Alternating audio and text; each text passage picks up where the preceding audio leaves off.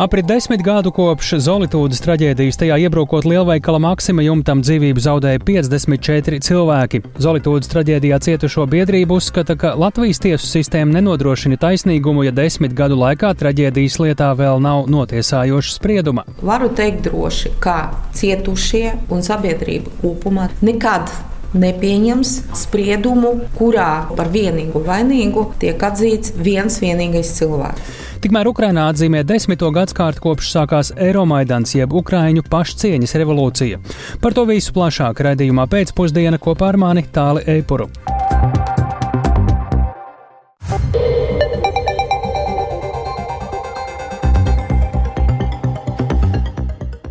16,5 minūtes skan Latvijas radio ziņdienas raidījums pēcpusdienas, skaidrojot šodienas svarīgus notikumus. Studijā tālāk Eipurs.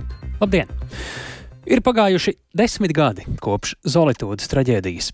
Viens no pēdējā laikā lielākajām traģēdijām Latvijā, kad Rīgā Zolītūdē sagruva lielveikals Maksima un dzīvību zaudēja 54 cilvēki. Lai pieminētu un godinātu cilvēkus, kuri zaudēja dzīvību Zolitūdē, šodien Rīgā traģēdijas vietā notiek, vai notiks piemiņas pasākums. Esam sazinājušies ar kolēģi Agniju Lāsdiņu. Viņa šobrīd tieši atrodas pie piemiņas vietas. Tur jau pēc mazāk nekā stundas sāksies arī piemiņas pasākums. Sveika, Agnija, vai var izstāstīt, kas piemiņas pasākumā šodien ir iecerēts? Labdien! Šodien programmā paredzēta kora Avesolu uzstāšanās un čellista Ivara Bezprozvanova muzikālais priekšnesums. Pēc piemiņas koncerta debesīs tiks raidīti 54 lāzera gaismas stari, simbolizējot 54 cilvēkus, kuri šajā traģēdijā zaudēja savas dzīvības un kuru dvēseles devās mūžībā. Un laikā, kad sagro veikala ēka, jeb no pulkstens 17.41 līdz 17. 11.44. pieminot traģēdijā cietušos skanēs glābēju sirēnas, kam sekos klusuma brīdis. Un pasākuma dalībnieku vidū solīts, ka būs gan Zolītūdas traģēdijā bojā gājušo tuvinieki un cietušie, gan glābšanas operācijas dalībnieki, valsts un pašvaldības pārstāvi, kā arī Zolītūdas iedzīvotāji un cilvēki no visas Latvijas.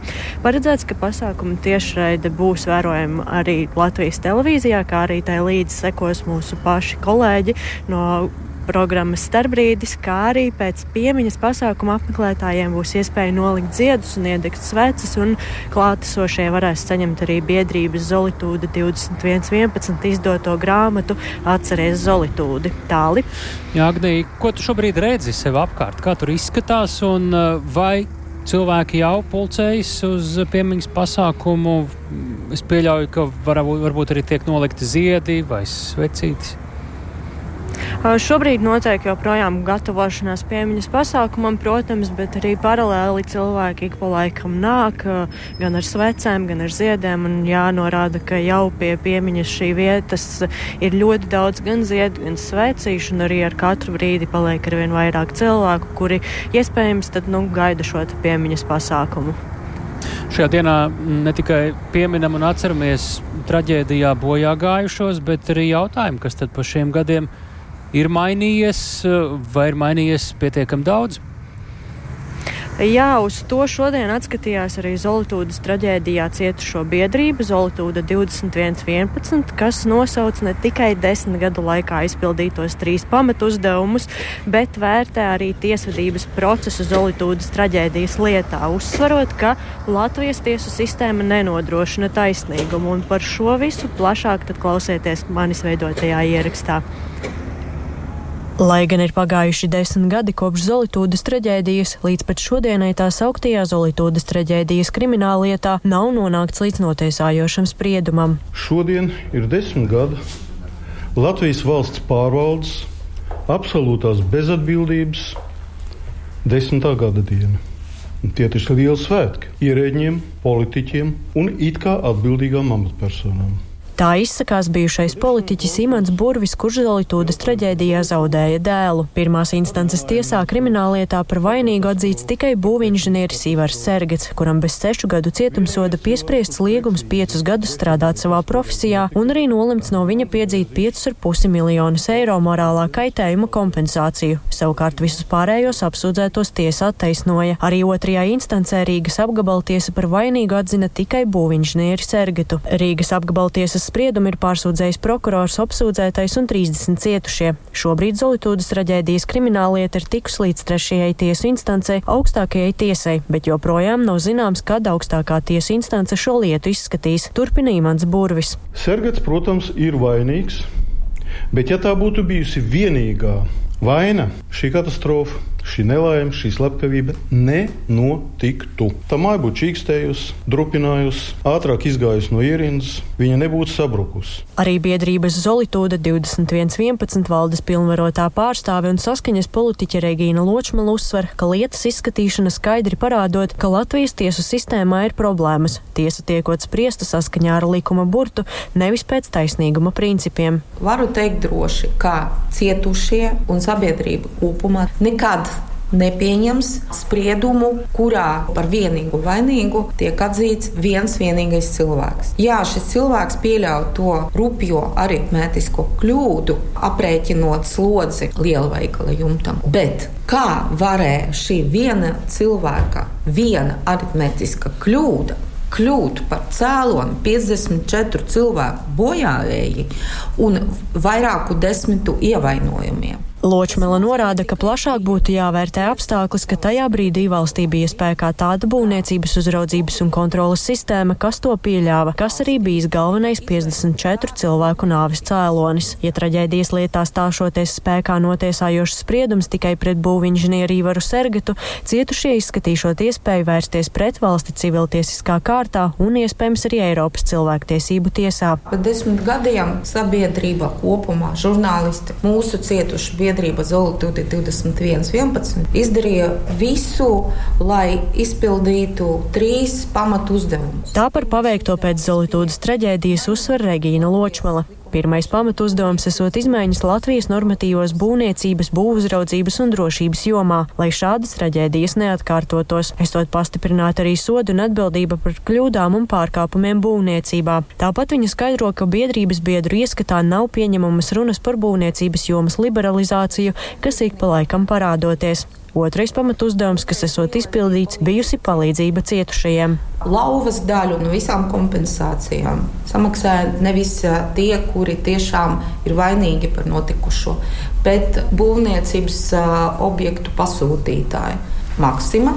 Visu pārējo, ko kā palīdzību dabūja cietušie, tie bija brīvprātīgie ziedojumi no fiziskajām un juridiskajām personām. Cilvēku ziedojumi ļāvuši 24 nepilngadīgiem bērniem, kuri palika bez viena vai abiem vecākiem, nodrošināt kontos naudu, kuru viņi var saņemt iestājoties pilngadībai. Savukārt kā trešo pamatu uzdevumu Regīna Ločmales sauc piemiņas iemūžināšanu, izdodot piemiņas grāmatu 2111 atceries Zolitūdi, izveidojot pagaidu pieminekli un strādājot pie piemiņas dārza izveides. Agnija Lazdiņa, Latvijas radio. Bet ne tikai eksperti cietušie, viņu, kā arī bojā gājušo tuvinieki, izvērtē un atskatās uz aizvadīto desmitgadi. Vistiešākie traģēdijas atsauliecinieki bija dažādu dienestu darbinieki, kuri tajā dienā strādāja, riskēja ar savu dzīvību, glāba citus, palīdzēja cietušajiem. To šodien Rīgas domē pieminot traģēdijas bojā gājušos atgādināja mediķi un glābēji. Klausāmies Viktora Demīdova ierakstā. Pirms desmit gadiem, 21. novembrī, sabiedrība ieguva ļoti smagu, skarbu un sāpīgu mācību. Lielveikala Maksima traģēdija parādīja cilvēku bezatbildību un vienaldzību. Tā šodien Rīgas domas piemiņas ziņojumā par nelaimi teica Rīgas pašvaldības policijas priekšnieka vietnieks Andrejs Aronovs, kurš pienākumus pildīja arī toreiz. Lai gan traģēdijā bojā gāja 54 cilvēki, Aronovs izceļ arī iegūto pozitīvo pieredzi. Tāpat, ka teica, ka no glābēja līdz upurim ir viens solis. Tāpat arī no upura līdz glābējam ir viens solis tajā brīdī, kad uh, cilvēki sāk atmest varbūt kaut kādas savas, nezinu, stereotīpas, domas, vēl kaut ko iejutās, kļūst empātiski atcerās par savu nezinu, aicinājumu, atcerās par cilvēka būtni un sāk strādāt, ka viena saliedēta komanda nolūkā sniegt palīdzību, glābt, atbalstīt, kaut kādā veidā pasniegt viens otram plecu roku, da jebko. Rīgas domas labklājības departamenta vadītāja Irēna Kondrāte atzīst, ka problēmas pastāv joprojām. Piemēram, viņas prāt muļķīgus lēmumus valstī pieņem ikdienu. Zolotūdas notiek ļoti bieži. Tad, kad pofigisma dēļ vienkārši un ļoti simboliski lielveikalā, kas ir laikam mūsdienu patērētais sabiedrības templis. Vienkārši aprakst zem sevis divos piegājienos pāris stundās 54 dzīvības. Tas notika tad, bet tas notiek katru reizi, kad pēc principa sajies, tas tāds jaunvārds arī, tiek pieņemta lēmumi. Dažkārt pat es īsti nesaprotu, vai viņi ir vienkārši ambiciozi, jo pat politiski ambiciozi viņi diez vai kad joprojām mums nākas cīnīties par kaut kādām lietām, kas ir sen zināmas un saprotamas. Pēc liktenīgās traģēdijas valsts ugunsdzēsības un glābšanas dienests sāka saņemt valsts atbalstu, jaunas tehnikas, ir iegūta sabiedrības uzticība un sāka būvēt jaunu katastrofu pārvaldības centru. Tā šodien atzīmēja glābēji, taču mediķiem desmit gadu laikā nav atrisināts ļoti būtisks aspekts. Turpina neatliekamās medicīniskās palīdzības dienesta vadītāja Liene Cipule. Bet vēl šodien dienestā Mums nav pieejams finansējums, lai mediķi saņemtu palīdzību pēc traumējošiem izsaukumiem. Mēs esam izstrādājuši sistēmu, esam vienojušies ar iekšlietu ministrijas centru, kas mums varētu sniegt šo atbalstu, bet mums nav piešķirts finansējums. Mēs ceram, ka gaidāmajā budžetā vismaz nedaudz tas būs pieejams un mūsu mediķi varēs saņemt šādu palīdzību. Iepriekš jau ziņojām, ka desmit gadu laikā krimināla lieta pret iesaistītajiem ir izgājusi divas tiesu instances, bet līdz gala spriedumam vēl nav nonākts. Pirmās divas tiesu instances par vainīgu ir atzinušas tikai būvis būvinženieri Ivaru Sergetu. Viktors Demidovs, Latvijas radio. Arī piemiņas un vienlaikus lepnuma pilna diena šodien Ukrainā. Aizlūdzot, noliekot ziedus un svecītes, šodien daudz viet Ukrainā tiek godināti pirms desmit gadiem pašcieņas revolūcijā, jeb Eiro Maidanā nogalinātie protestētāji. Šobrīd esam sazinājušies ar Latvijas radio korespondenti Ukrainā Indru Sprānci. Sveika, Indra! Kāda ir bijusi šī diena Ukrainā? Labdien! Ukrainā šodien tiek atzīmēta pašcieņas, jeb brīvības diena, kas ieviest par godu veselām divām Ukraiņu revolūcijām. Tā dēvētajai oranžai revolūcijai, kas norisinājās 2004. gadā, kad cilvēki izgāja ielās protestējot pret vēlēšanu viltošanu un sagrozītiem rezultātiem, un tā dēvēto pašcieņas revolūciju, kas aizsākās tieši pirms desmit gadiem, tātad 2013. gada 21. novembra vakarā.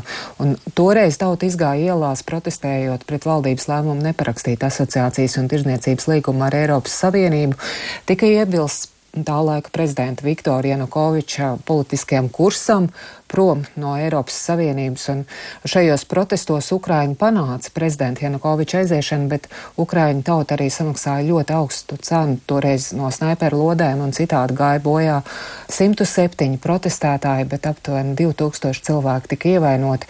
Un šie notikumi šodien ļoti dažādos veidos Kīvā tiek atzīmēti. Cilvēki noliek ziedus pie tā dēvētā debesu simtnieku piemiņas vietām. Medijos ir pieejams ļoti daudz intervijas ar dažādiem Maidana dalībniekiem, no kuriem, starp citu, šobrīd viena daļa ar ieročiem rokās aizstāv Ukrainu jau frontē. Arī pilsētā dažādās vietās ir izlikti plakāti, kas atgādina par notikumiem pirms desmit gadiem.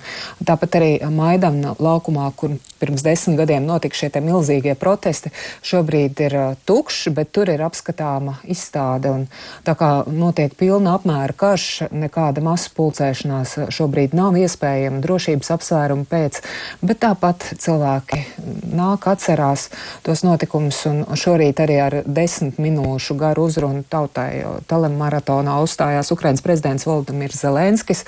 Nu, uzrunā bija dažādi akcenti, cits starpā prezidents aicināja uz vienotību sadarbību, jo tikai tā ir iespējams panākt to, ka Ukraina ir brīva un tāpat tika akcentēta Ukrainas gatavība izpildīt visu, kas ir nepieciešams, lai citai Ukrainas zvaigzne atrastos līdzās citu valstu zvaigznītēm Eiropas Savienības zilajā karo karogā. Paklausīsimies fragment no Zelenska sacītā. 20 років тому це була романтична мрія. 10 років тому ambitna meta. Pirms 20 gadiem tas bija romantisks sapnis, pirms 10 gadiem ambiciozs mērķis. Šodien tā ir realitāte, kurā vairs nav iespējams apturēt mūsu virzību uz priekšu, pārvarot visus nepieciešamos posmus. Mūsu kā kandidātu valsts statusam un turpmākajām iestāšanās sarunām katrā ziņā ir jānoslēdzas ar pilntiesīgu Ukrainas dalību Eiropas Savienībā. Un to visu mēs darām neskatoties uz karu, kamēr mūsu cilvēki sargā sevi un Eiropu jau tagad jo mums ir pašcieņa un mēs neļausim nevienam atņemt mums brīvību. Jā, un šodien Zelenskis ar kundzi arī nolika ziedus Eiromaidanā bojā gājušo piemiņas vietā, un viņiem bija pievienojusies arī Moldovas prezidente Māja Sandu.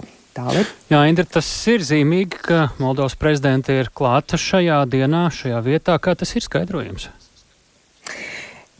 Prezidenta Māja Sandu ir ieradusies, lai pārnātu turpmākos soļus Moldovas un Ukrainas ceļā uz iestāju e Eiropas Savienībā.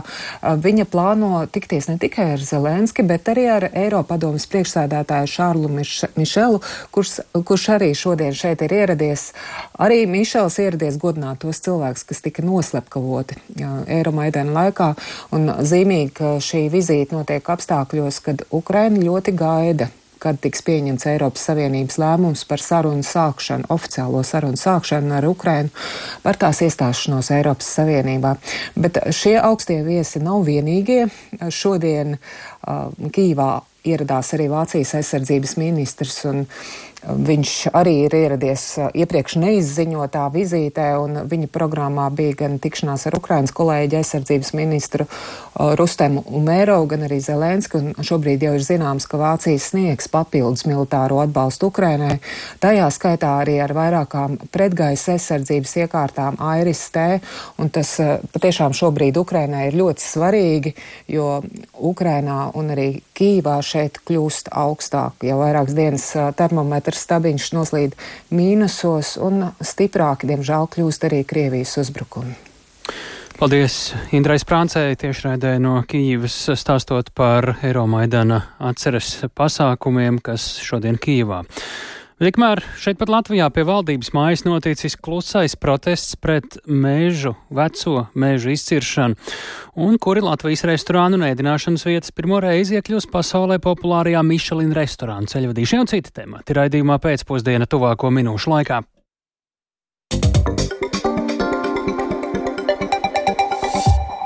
Eiropas komisija pauž satraukumu, ka Latvijas budžets nākamajam gadam nedaudz pārsniedz pieļaujamo 3% robežu. Tādēļ šodien publicētajās Eiropas semestra vadlīnijās mūsu valstī ieteikts nākamajos gados pakāpeniski līdzsvarot ienākumus un izdevumus. Līdzīga situācija ir vēl vairākās Eiropas Savienības valstīs, tomēr Baltijā tādi esam vienīgi. Pakāpeniska atgriešanās pie pēdējos gados iesaldētiem Eirozonas fiskālajiem noteikumiem no jauna izsauc diskusijas arī par to, cik īsti aktuāls joprojām ir striktās prasības. Un šajā brīdī sakām labdien mūsu Briseles korespondentam Ārķamam Konohovam. Eh, Arķam saki, vai līdztekus tam, ka Latvijas budžeta deficīts nākamgad visticamāk nedaudz pārsniegs šos 3% eh, no koprodukta Eiropas komisija, pauž arī citus ieteikumus? Labdien, tālu, labdien, klausītāji! Tik tiešām šobrīd um, Eiropas komisija ir pievērsusi uzmanību Latvijas uh, budžeta deficītam. Tas bija gaidāms, jo jau iepriekšējā nedēļā tika publicēti arī ekonomikas prognoze, kur jau šī informācija pirmo reizi parādījās. Jā, tiešām budžets tiek prognozēts nedaudz virs 3%, un, kā zināms, Eirozonā tas tā maksimāli pieļaujamā robeža. Bet, protams, Latvija nebūtu nav vienīgā valsts, kas saskaras ar šiem izaicinājumiem, jo, protams, kopumā Eirozonas ekonomika ekonomika saskaras ar vienu krīzi pēc otras, un tas, ka joprojām ir vērojama kaut neliela izaugsma kopumā Eirozonā, jo pats par sevi ir labs fakts, ka mēs neesam tik dziļā krīzē, kādā mēs būtu varējuši būt, un tas viss pat, pateicoties tam, ka tomēr ir sinhronizēta atbilde, tiek sniegta visiem šiem ekonomikas izaicinājumiem, tā vismaz uzskata Eiropas komisija, un Latvijas gadījumā viens, viena no problēmām ir ne tikai tas, ka budžets ir virs 3%, bet tas, ka izdevumu pieauguma temps ir straujāks nekā Eiropas komisija bija ieteikusi. Viņi būtu vēlējušies redzēt tomēr nedaudz zemāku izdevumu pieauguma tempu. Un tāpat interesanti ir arī tas, ka atzinumā parādās frāze, ka Latvija ir viena no valstīm, kur ir pārāk augstas nekustamā īpašuma cenas, proti mājokļu vērtība ir pārāk augsta, tā īsti neatbilst tās patiesajai vērtībai šī cena. Un tas var radīt risku, ka, ja nu gadījumā ir vēl kādi ekonomiskie satricinājumi, kaut kas straujāks, neparedzamāks, tad mēs varbūt varētu saskarties arī ar tādu nekustamā īpašumu burbuli, kādu mēs esam redzējuši ap 2008. un 2009. gadu. Arī uz šādiem potenciāliem riskiem tiek norādīts Eiropas komisijas ziņojumā. Jā, Arķom, Kā Latvija izskatās uz pārējo Eirozonas valstu fona ar šo savu situāciju? Situācija ir sarežģīta arī daudzās citās valstīs, kā jau pieminēju, tomēr nu, šie augstās enerģi, enerģijas izmaksas ir ļoti liels izaicinājums konkurētspējai daudzās valstīs, tostarp pieņemsim arī Vācijā, kas šobrīd sastopas ar tādiem lieliem, lieliem izaicinājumiem, kā noturēt savus uzņēmumus. Arī Francijā ir liela izdevumi, kas pārsniedz pieļaujamo robežu, un, protams, jā, visur tiek diskutēts par to, kā, lai pieņemsim arī Somijā, līdzsvarot daudzas un dažādas vajadzības, tostarp palīdzību iedzīvotājiem, lai viņi varētu samaksāt rēķinus ar to, ka ir tomēr jānotur tāds fiskāli atbildīgās politikas kurs. Un, ja runājam par atbalstu maisaimniecībām ar rēķiniem, tad šo atbalstu gan maisaimniecībām, gan arī uzņēmumiem Eiropas komisija iesaka pakāpeniski samazināt, no tā atteikties nākamgad. Viņi uzskata, ka šāds atbalsts vairs īsti nav vajadzīgs vismaz neplašām iedzīvotāju grupām. Jā, nu, jau zinām laiku notiek arī darbs pie visu šo budžeta deficīta griestu noteikumu pārskatīšanas, jo ir valsts, kuras uzskata, ka pašreiz, pašreizējās prasības ir pārāk striktas un neļauj, nu, piemēram, investēt drošībā, kas šobrīd ļoti svarīgi, kā arī varbūt pietiekami ātri veikt to zaļo un digitālo pārkārtošanos. Cik tālu šobrīd šī diskusija ir?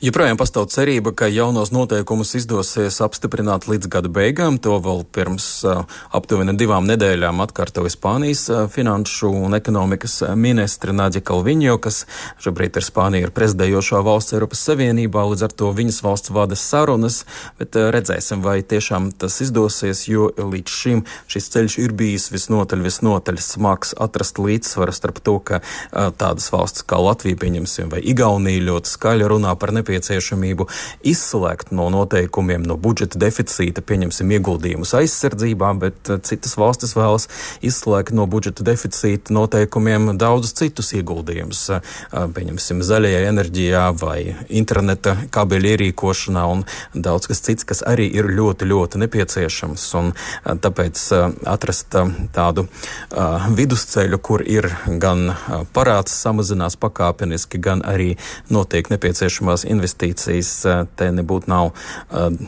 vienprātības par šo, un diskusijas tiešām, tiešām ir smagas. Bet nu, cerība ir, ka līdz gada beigām to varētu tomēr izdoties uh, ieviest. Paldies! Tā Arķems Konohovs tiešraidē no Brīseles Eiropas komisija tātad pauž satraukumu, ka Latvijas budžets nākamajam gadam nedaudz pārsniedz pieļaujamo 3% deficīta robežu un iesaka nākamajos gados līdzsvarot ienākumus un izdevumus. Bet vecie meži ir Latvijas dabas bagātība, nevis Skandināvijas apkure.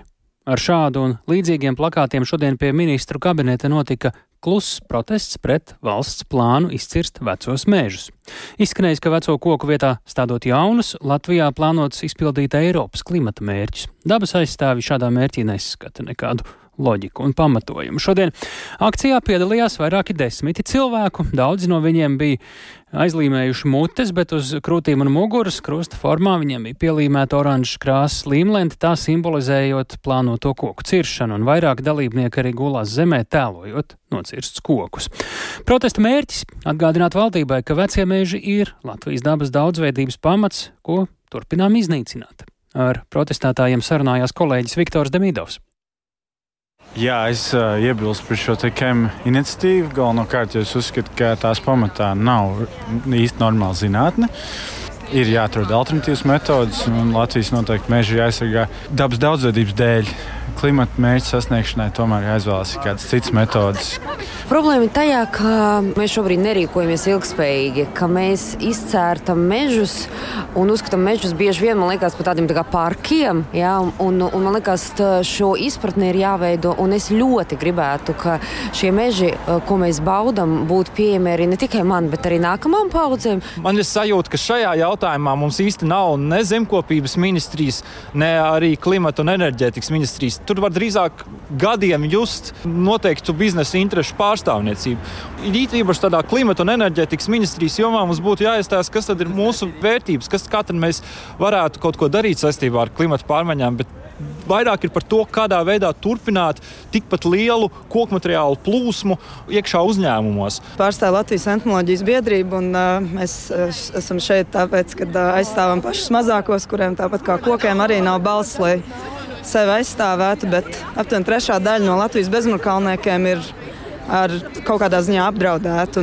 Lielākajai daļai, vairāk kā 70% no šīm sugām, tie ir dažādas vaboles, gliemeži un, un citi bezmurkalnieki. Tieši apdraudošais faktors ir tieši vecu mežu izušana un aizsargājumu biotopu fragmentācija, platības samazināšanās. Piemēram, ļoti efektīvs veids būtu pazemē noglabāt to CO2. Nevis izcērtot uh, kokus, jo tāpat pēc tam tas CO2 izdalītos. Jebkurā gadījumā tie jaunie kociņi nevar uzņemt visu to, ko jau vecie koki ir uzņēmuši. Tā protestētāji pie valdības mājas, bet līdz ilgspējīgai meža apsaimniekošanai Latvijā šobrīd ir tālu. Nocirsto koku skaits ir par lielu. Tā kolēģim Viktoram Damīdovam šodien pie valdības mājas sacīja ornitoloģijas biedrības vadītājs Viesturs Čārs, kurš arī bija viens no šodienas protesta dalībniekiem. Eiropas Savienībā kopumā tiek runāts par to, ka mežus vajadzētu apsaimniekot prātīgāk, ilgspējīgāk, līdzsvarotāk. Ir izstrādāta Eiropas Savienības meža stratēģija, kas, piemēram, paredz to, ka vecie meži būtu stingri aizsargājami, ka būtu vairāk jāsaimnieko ar nekailciršu metodēm, ka vajadzētu atalgot tos meža īpašniekus, kas saimnieko dabai draudzīgākā veidā. Tā kā iespējas mums ir. Bet nu, mazliet redzot diskusijas arī Eiropas līmenī un iesaistoties arī tajās, es redzu, ka ne jau tikai Latvijā meža nozars lobbyis ir ļoti spēcīgs un ir liela pretestība jebkādiem uzlabojumiem meža apsaimniekošanā. Kā veco mežu izciršana ietekmē putnu daudzveidību Latvijā?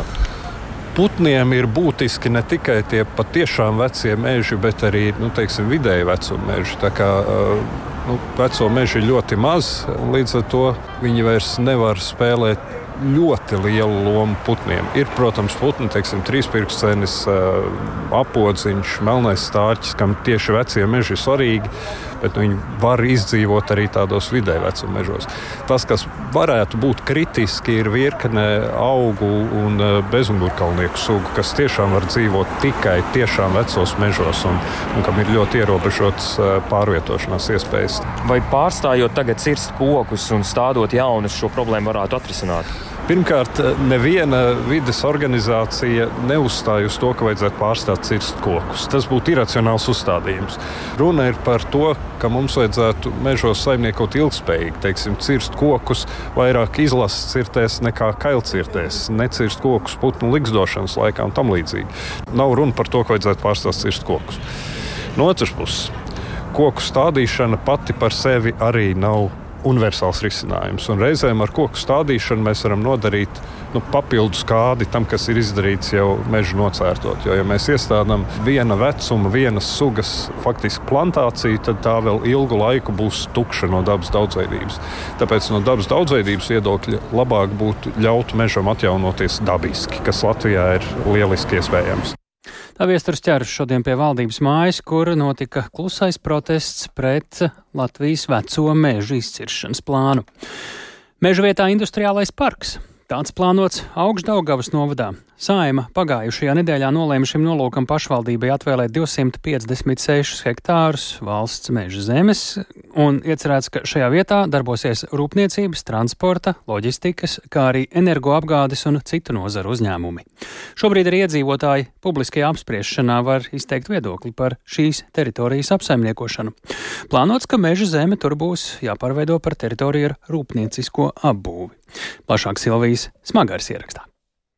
Ideja par industriālā parka izveidi Augstdagavas novadā lolota jau kopš 2021. gada decembra. Arī vieta tam meklēta optimālākā un atrasta valsts meža teritorijā, raisot plašu rezonanci sabiedrībā un dabas aizstāvju vidū.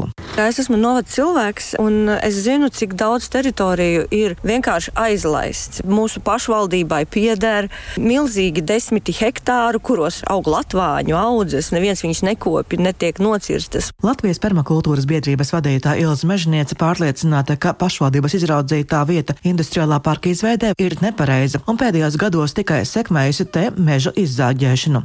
Projekta iniciators Augstdagavas novada domas priekšsēdētāja vietnieks Vitālijas Aizbalts no Latgales partijas ir pretējās domās. Investoram vajag arī infrastruktūru. Un kāpēc šī teritorija ir izvēlēta? Tāpēc, ka tur ir A6 automaģistrāla Daugavpils Rīga, tur ir dzelzceļa līnija, elektroenerģijas sadalas apakšstacija Līksne. Vajag arī pietiekoši daudz darba vietas. 11 km attālumā ir Daugavpils.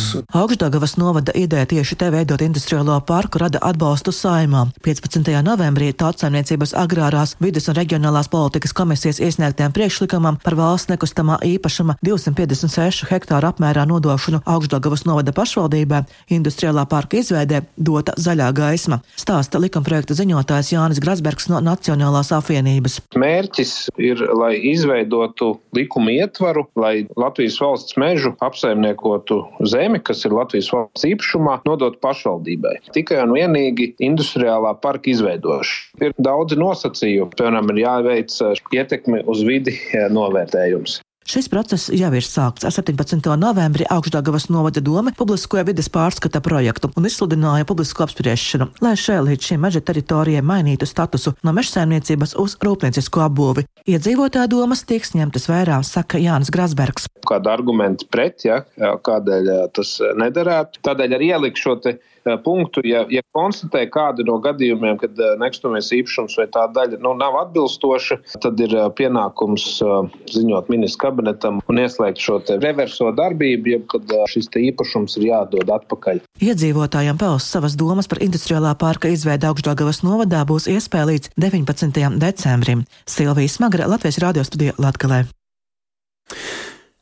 Kuri Latvijas restorānu un ēdināšanas vietas pirmo reizi iekļūs pasaulē populārākajā restorānu ceļvedī Michelin Guide? Ceļveža inspektori ir rūpīgi pētījuši vairāku Latvijas restorānu piedāvājumu Rīgā un arī citviet Latvijā, un tieši šobrīd rīt svinīgā ceremonija, kurā paziņo Latvijas labākos restorānus šī ceļveža veidotāja skatījumā, kas par šo pavērsienu restorānu un ēdinātāju nozarē zināms jau līdz šim, un vai varbūt jau zinām kādus rezultātus, to mums ir gatavs pastāstīt kolēģis Jānis Kīns. Viņš mums pievienojas tieši redē Jāni. Nu, pastāsti, kāpēc šis novērtējums ir būtisks restorānu nozarē. Jā, sveicināti! Michelin ceļveža inspektori ir pētījuši Latvijas gastronomisko piedāvājumu vairāk nekā 30 vietās. Rīgā, Kurzemes piekrastē, Jūrmalā, Valmierā, Cēsīs, Līgatnē, Tervetē un citur. Viņi vērtē gan smalkus restorānus, gan arī nelielus un šķietami necilus ēstuves. Un pieteikt konkrētas kandidatūras Michelin zvaigznes saņemšanai drīkst gan pats restorāns, gan tā apmeklētāji. Un indikācijas Latvijā par Michelin tuvošanos eh, parādījās pirms apmēram pusotra gada, un eh, Latvijas Investīciju un attīstības aģentūra līgumu par dalību šajā starptautiskajā gastronomijas ceļvedī bija noslēdzu, noslēgusi uz laiku līdz 2025. gada 31. oktobrim. Un kamēr vēl šajā pēcpusdienā gaidām kādus konkrētus vēstījumus, vai un kuri restorāni Latvijā saņems starptautisko un prestižo novērtējumu Michelin zvaigznes, atgādināšu, ka šī vēsture šim novērtējumam un šim ceļvedim ir jau sākas ap 19. un 20. gadsimta miju nolūkā tolaik veicināt ceļošanu ar automašīnām, tostarp arī apmeklējot restorānus. Un mūsdienās ceļveža mērķis saglabājas nemainīgs - palīdzēt ārvalstu ceļotājiem un vietējiem gartēžiem iepazīt gastronomijas galamērķus un apmeklēt labākos restorānus. Viesmīlības nozares svētki, jo pasaules mēroga vērtējums beidzot ienāk arī Latvijā. Tā mūsu valsts iekļaušana Mišelina restorāna ceļvedī raksturo pavāru mājas līgatnē dibinātājs un šefpavārs Ēriks Dreibans. Neatkarīgi no tā, kuri restorāni iegūst vai neiegūst Mišelina zvaigzni, noteikti sekos jauns uzrāviens viesmīlības un ēdināšanas jomā Latvijā. Arī tāpēc, ka ļoti daudz cilvēku pašaul, pasaulē ceļojumu gala mērķus izraugās vadoties tieši pēc Mišelina ceļveža klāsta šefpavārs Eriks Dreibans. Kaut vai ņemam par piemēru Skandināvijas valsts, ja piemēram Dāniju, kur ir liels akcents uz to likts un aizbraucot uz viņu restorāniem, tur 99% ir ārzem viesi, kas bauda to ēdienu. Nu, tas arī liela vilkme kopējam turismam. Nu, man kā nozarei, kurš esmu jau teju 30 gadus, nu, šis ir liels notikums un esmu ļoti, ļoti, ļoti priecīgs. Jā, jo mēs tā iekšēji viens otru vērtējam, bet nu, tas ir ļoti ļoti subjektīvi, un tagad būs ļoti labs skats no malas. Tad varēs arī saprast, jā, kādā virzienā strādāt. Cārējais dzinulis veicinās nozares konkurences cīņā par reitingu un Michelin zvaigznītēm arī turpmākajos gados, uzsver trīs pavāru restorāna dibinātājs šefpavārs Mārtiņš Sirmais. Vienlaikus viņš gan piebilst, ka Michelin zvaigznes savam restorānam uzreiz varbūt arī nevēlētos, jo tas jau darbu ieceļ citā, augstākā līmenī ar papildu atbildību un papildu nervozitāti. Un arī Lietuva šobrīd vēl nav Michelin restorānu kartē, savukārt Igaunija tajā ir atrodama ar 34 restorāniem. Un, kā stāsta šefpavāri, tad līdz ar iekļūšanu šajā novērtējumā Uh, ir bijis pilnīgi jauns uzrāviens biznesam un jauns klientu pieplūdums. Tā kā vēl jāpiebilst, ka Mišelīna ceļveža žūrija darbojas slepeni. Tas ir neatklājot mērķi restorāna apmeklējuma laikā, izvērtēt pasniegtā ēdiena kvalitātes. Un Latvijas radio uzrunātie šefpavāri, restorāna vadītāji atzīst, ka nezina un arī pārmērī, pārmērīgi nav centušies izdibināt, kuri apmeklētāji varēja būt vērtētāji kādā no šīs Mišelīna ceļveža komandas. Un tas, ko es šobrīd varu izstāstīt no šīs pasniegšanas ceremonijas, kas norit šobrīd Hansa Peronā, tad uh, Michelin ievērību ir guvuši kopumā 22 restorānu nedināšanas vietas Latvijā.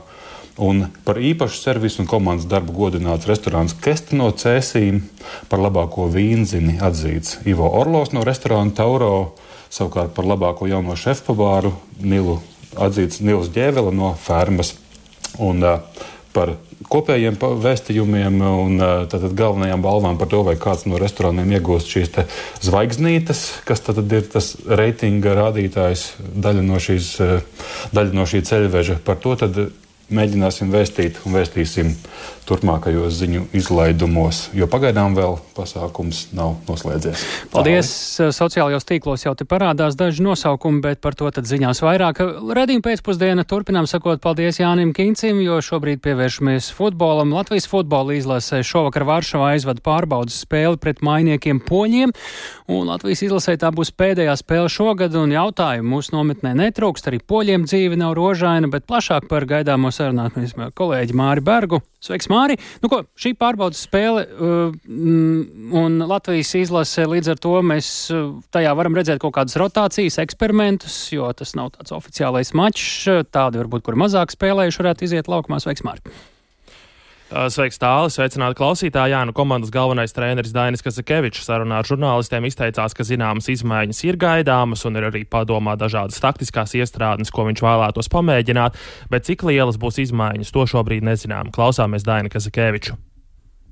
Saprotams, ka mēs aptuveni saprotam, kāds varētu būt spēles scenārijs. Mēs saprotam, kurās spēles fāzēs un kurās laukuma zonās mēs varētu pamēģināt, pamēģināt teiksim, iegūt tās priekšrocības, kuras mēs redzam, ka potenciāli ir iespējamas. Un skaidrs, kā jau es jums teicu, šāda veida spēle jau teiksim, pēc cikla noslēguma mums ir arī ar tādu orientīru uz nākamo gadu, uz Nāciju līgu, kur arī teiksim, pēc izlozes, kas, kur mēs šobrīd nezinām pretinieks, bet ļoti iespējams, ka teiksim, potenciāli spēcīgākās komandas grupā būs līdzīga spēku samēra.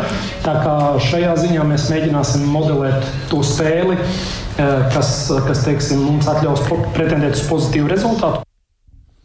Nu, katrā ziņā Kazakēvičs savos izteikumos bija ļoti noslēpumains un neko konkrētu ne par sastāvu, ne par taktiku nevēlējās atklāt tāli. Jā, vēl pavisam īsi poļi noteikti ir favorīti. Viņiem arī slikts noskaņojums, jo viņi nav pat taisno tikuši uz Eiropas čempionāta fināla turnīru, izgāzušies savu skatītāju priekšā. Viņiem arī ir ko pierādīt, vai ne?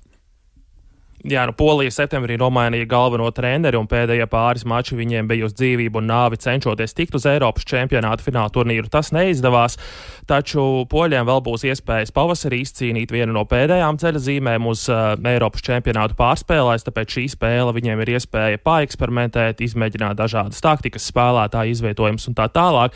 Nu, katrā ziņā poļi sagaida ne tikai uzvaru, bet pārliecinošu spēli un arī pārliecinošu uzvaru savas komandas izpildījumā. Tāli. Nu, cerams, ka mēs apgāzīsim šo, šo viņu plānu kaut kādā veidā. Sakām paldies Mārim Bergam. Mēs uh, Sakām arī paldies, ka klausījāties raidījumu pēcpusdienā. To veidoja Tāls Eipors, Lauris Zvēnieks, Renāšs Steimans, Mārtiņš Paeglis. Mēs tiekamies arī rīt, kā jau katru darba dienu pēc ziņām 16 un 5 minūtēs.